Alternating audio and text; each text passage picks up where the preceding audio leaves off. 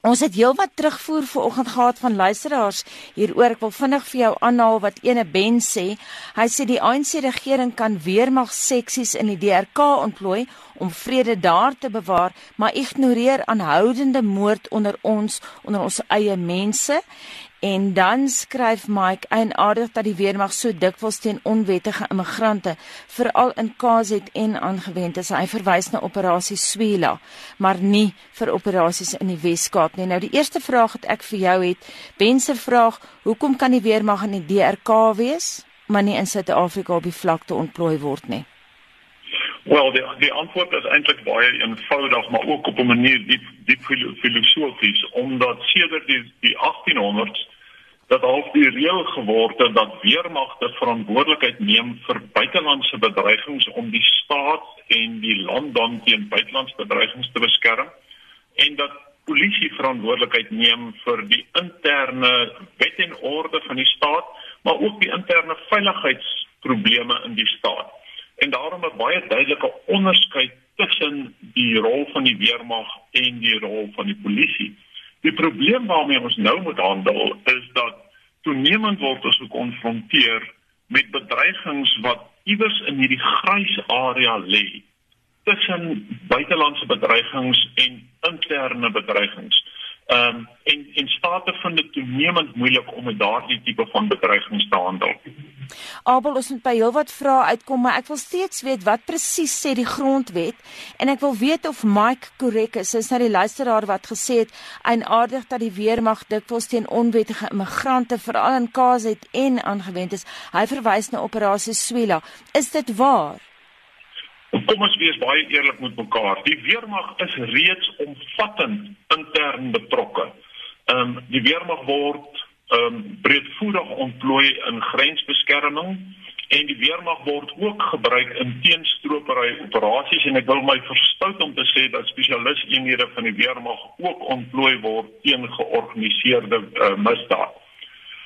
Maar vanuit 'n historiese oogpunt kan ek verstaan dat ons weermagleiers en ons politici onwillig is om die weermag intern teen ons eie bevolking aan te wend en ons kan 'n bietjie daaroor daaroor praat. Kom ons gaan terug na die grondwet toe. Ek ek wil graag jou aan jou vraag antwoord oor die grondwet.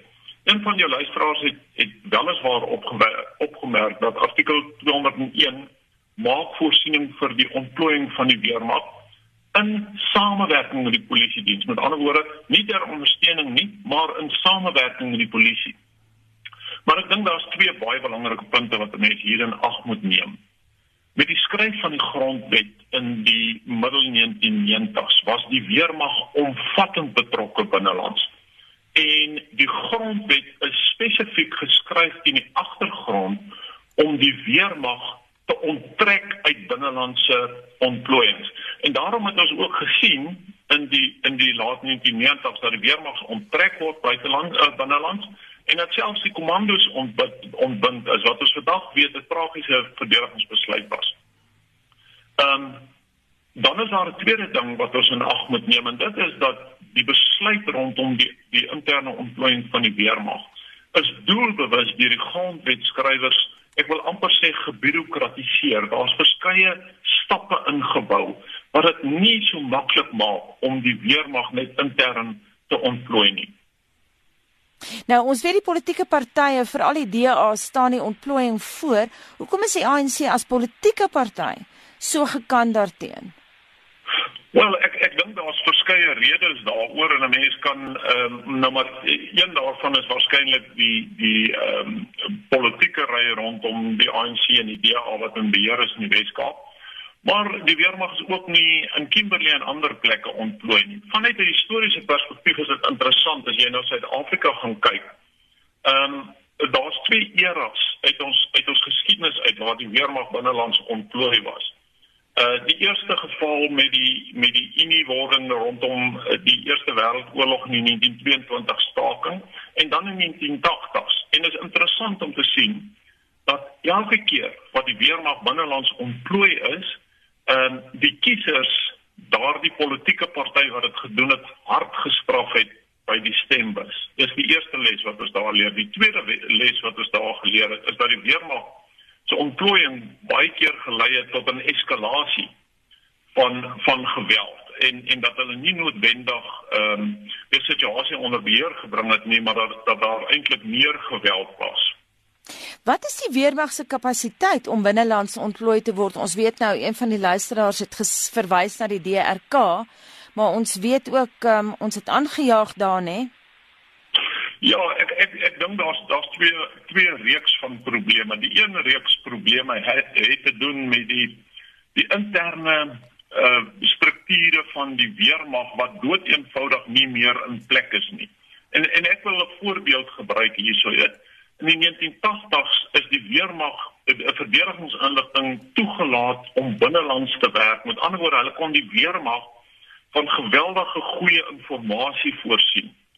Die verdedigingsinligting het nie meer 'n mandaat om binnelands te werk nie. So die weermag gaan basies blind ontplooi binnelands. Die tweede aspek wat ons in ag moet neem is dat die weermag het nie meer die bevel en beheerstrukture in plek binnelands wat dit in die 1980s gehad het nie. So daar's 'n hele reeks institusionele probleme in plek wat wat dit vir die weermag toenemend moeilik maak om binnelands te ontplooi. Maar hoekom dan nie? Hoekom kan ons hulle in die DRK ontplooi? Ehm um, die die antwoord is eintlik baie eenvoudig. Ehm um, Dak Hammarskjöld, die voormalige ehm um, VN uh, sekretaris-generaal het by geleentheid opgemerk dat uh, vredesoperasies is nie 'n soldaat se werk nie, maar net soldate kan dit doen. En ek wil dieselfde sê rondom binnelandse ontplooiings. Dit is nie die soldate se werk nie, maar ons mag daar sekuriteitssituasies bereik, veiligheidssituasies bereik wat ons geen ander keuse het as om die weermag te ontplooi nie. Maar kom ons kyk na die weermag se rekord in die buiteland. Ehm um, die weermag het weliswaar goed gedoen in die buiteland, maar die weermag het ook 'n rekord ontwikkel vir uh verskeie probleme, waaronder logistieke probleme en waaronder uh dissipline probleme. Uh om dit reg te stel gaan baie opleiding vereis. Die weermag het geen geld op hulle begroting om um, opleiding te doen nie. Ons moet baie baie eerlik met mekaar wees wat dit aanbetref. Die tweede probleem wat daar is, veral as jy met 'n weermag sit wat effens van 'n dissipline probleem het. Ehm um, elke persoon wat in Suid-Afrika rondloop, is 'n potensiële joernalis as hy 'n selfoon by hom het. En die weermag gaan binnelands ontplooi ehm um, binne die konteks van daardie realiteit en as hulle self nie gedissiplineerd is nie, gaan dit geweldige probleme skep. As jy pas by ons aangesluit het in die konteks van die gesprek verstaan nie, ek praat ver oggend met professor Abel Estreise van die fakulteit Kragskunde aan die Universiteit van Stellenbosch en dit gaan oor die feit dat oppositie politieke partye wil hê dat die weermag ontplooi moet word op die Kaapse vlakte. Kom ons kyk nou, jy het nou nou verwys na wat Dalk Hammarskjöld gesê het oor weermagte en so en soldate, maar wat doen 'n tipiese weermaglid daagliks, die wat nou nie ontplooi is in die DRK of Wakel nie? Ja, dit is 'n moeilike vraag vir my om te antwoord omdat ehm um, daar is baie min soldate wat ehm um, nie uh, regtig ontplooi is in Suid-Afrika op die oomblik nie, maar As hulle nie ontplooi is nie, is hulle met een van twee take besig. Of hulle is besig met opleiding of hulle is besig met tipiese wat ons nou sal doen noem die corporate army gedeelte. Met ander woorde die bureaukratiese ondersteuning van die weermag wat wel ontplooi is. Ehm um, dit is min of meer maar as jy na operasionele eenhede toe gaan, hulle is dun ge uh, um, wat wat is die Afrikaanse woord daar's daar's baie min dun uh, gesaai aan die operasionele kant van die weermag wat op hierdie stadium nog ontplooibaar is die weermag is is bykans by sy limiet wat wat sy ontplooiingsvermoë aanbetref Kom ons kyk na praktiese opsies. Wat sou jy doen in terme van die Kaapse vlakte? Ons weet die polisie kom nie lekker reg daar nie, né? Ja, dit dis problematies. Ehm um, Ek ek sou ek sou dink dat ons het waarskynlik in in sekere gedeel uh, uh opsigte die die situasie bereik waar um, ons wel kan motiveer dat die weermag uh binnelands ontplooi moet word. Ehm um, ons sal baie baie baie mooi daarna moet kyk en ons sal dit baie mooi moet bestuur. Ons sal baie spesifiek die weermag moet oplei om om dit te doen. Ehm um, maar die die die vandalistiese aard van die geweld wat ons nou bereik het, dink ek uh, regverdig werklik ehm um, die strategiese oorweging van die interne ontplooiing van die weermag. Ek twyfel nie daaroor nie. Baie dankie dit dan die mening van professor Abel Esterhuise van die fakulteit Kragskunde aan die Universiteit van Stellenbosch.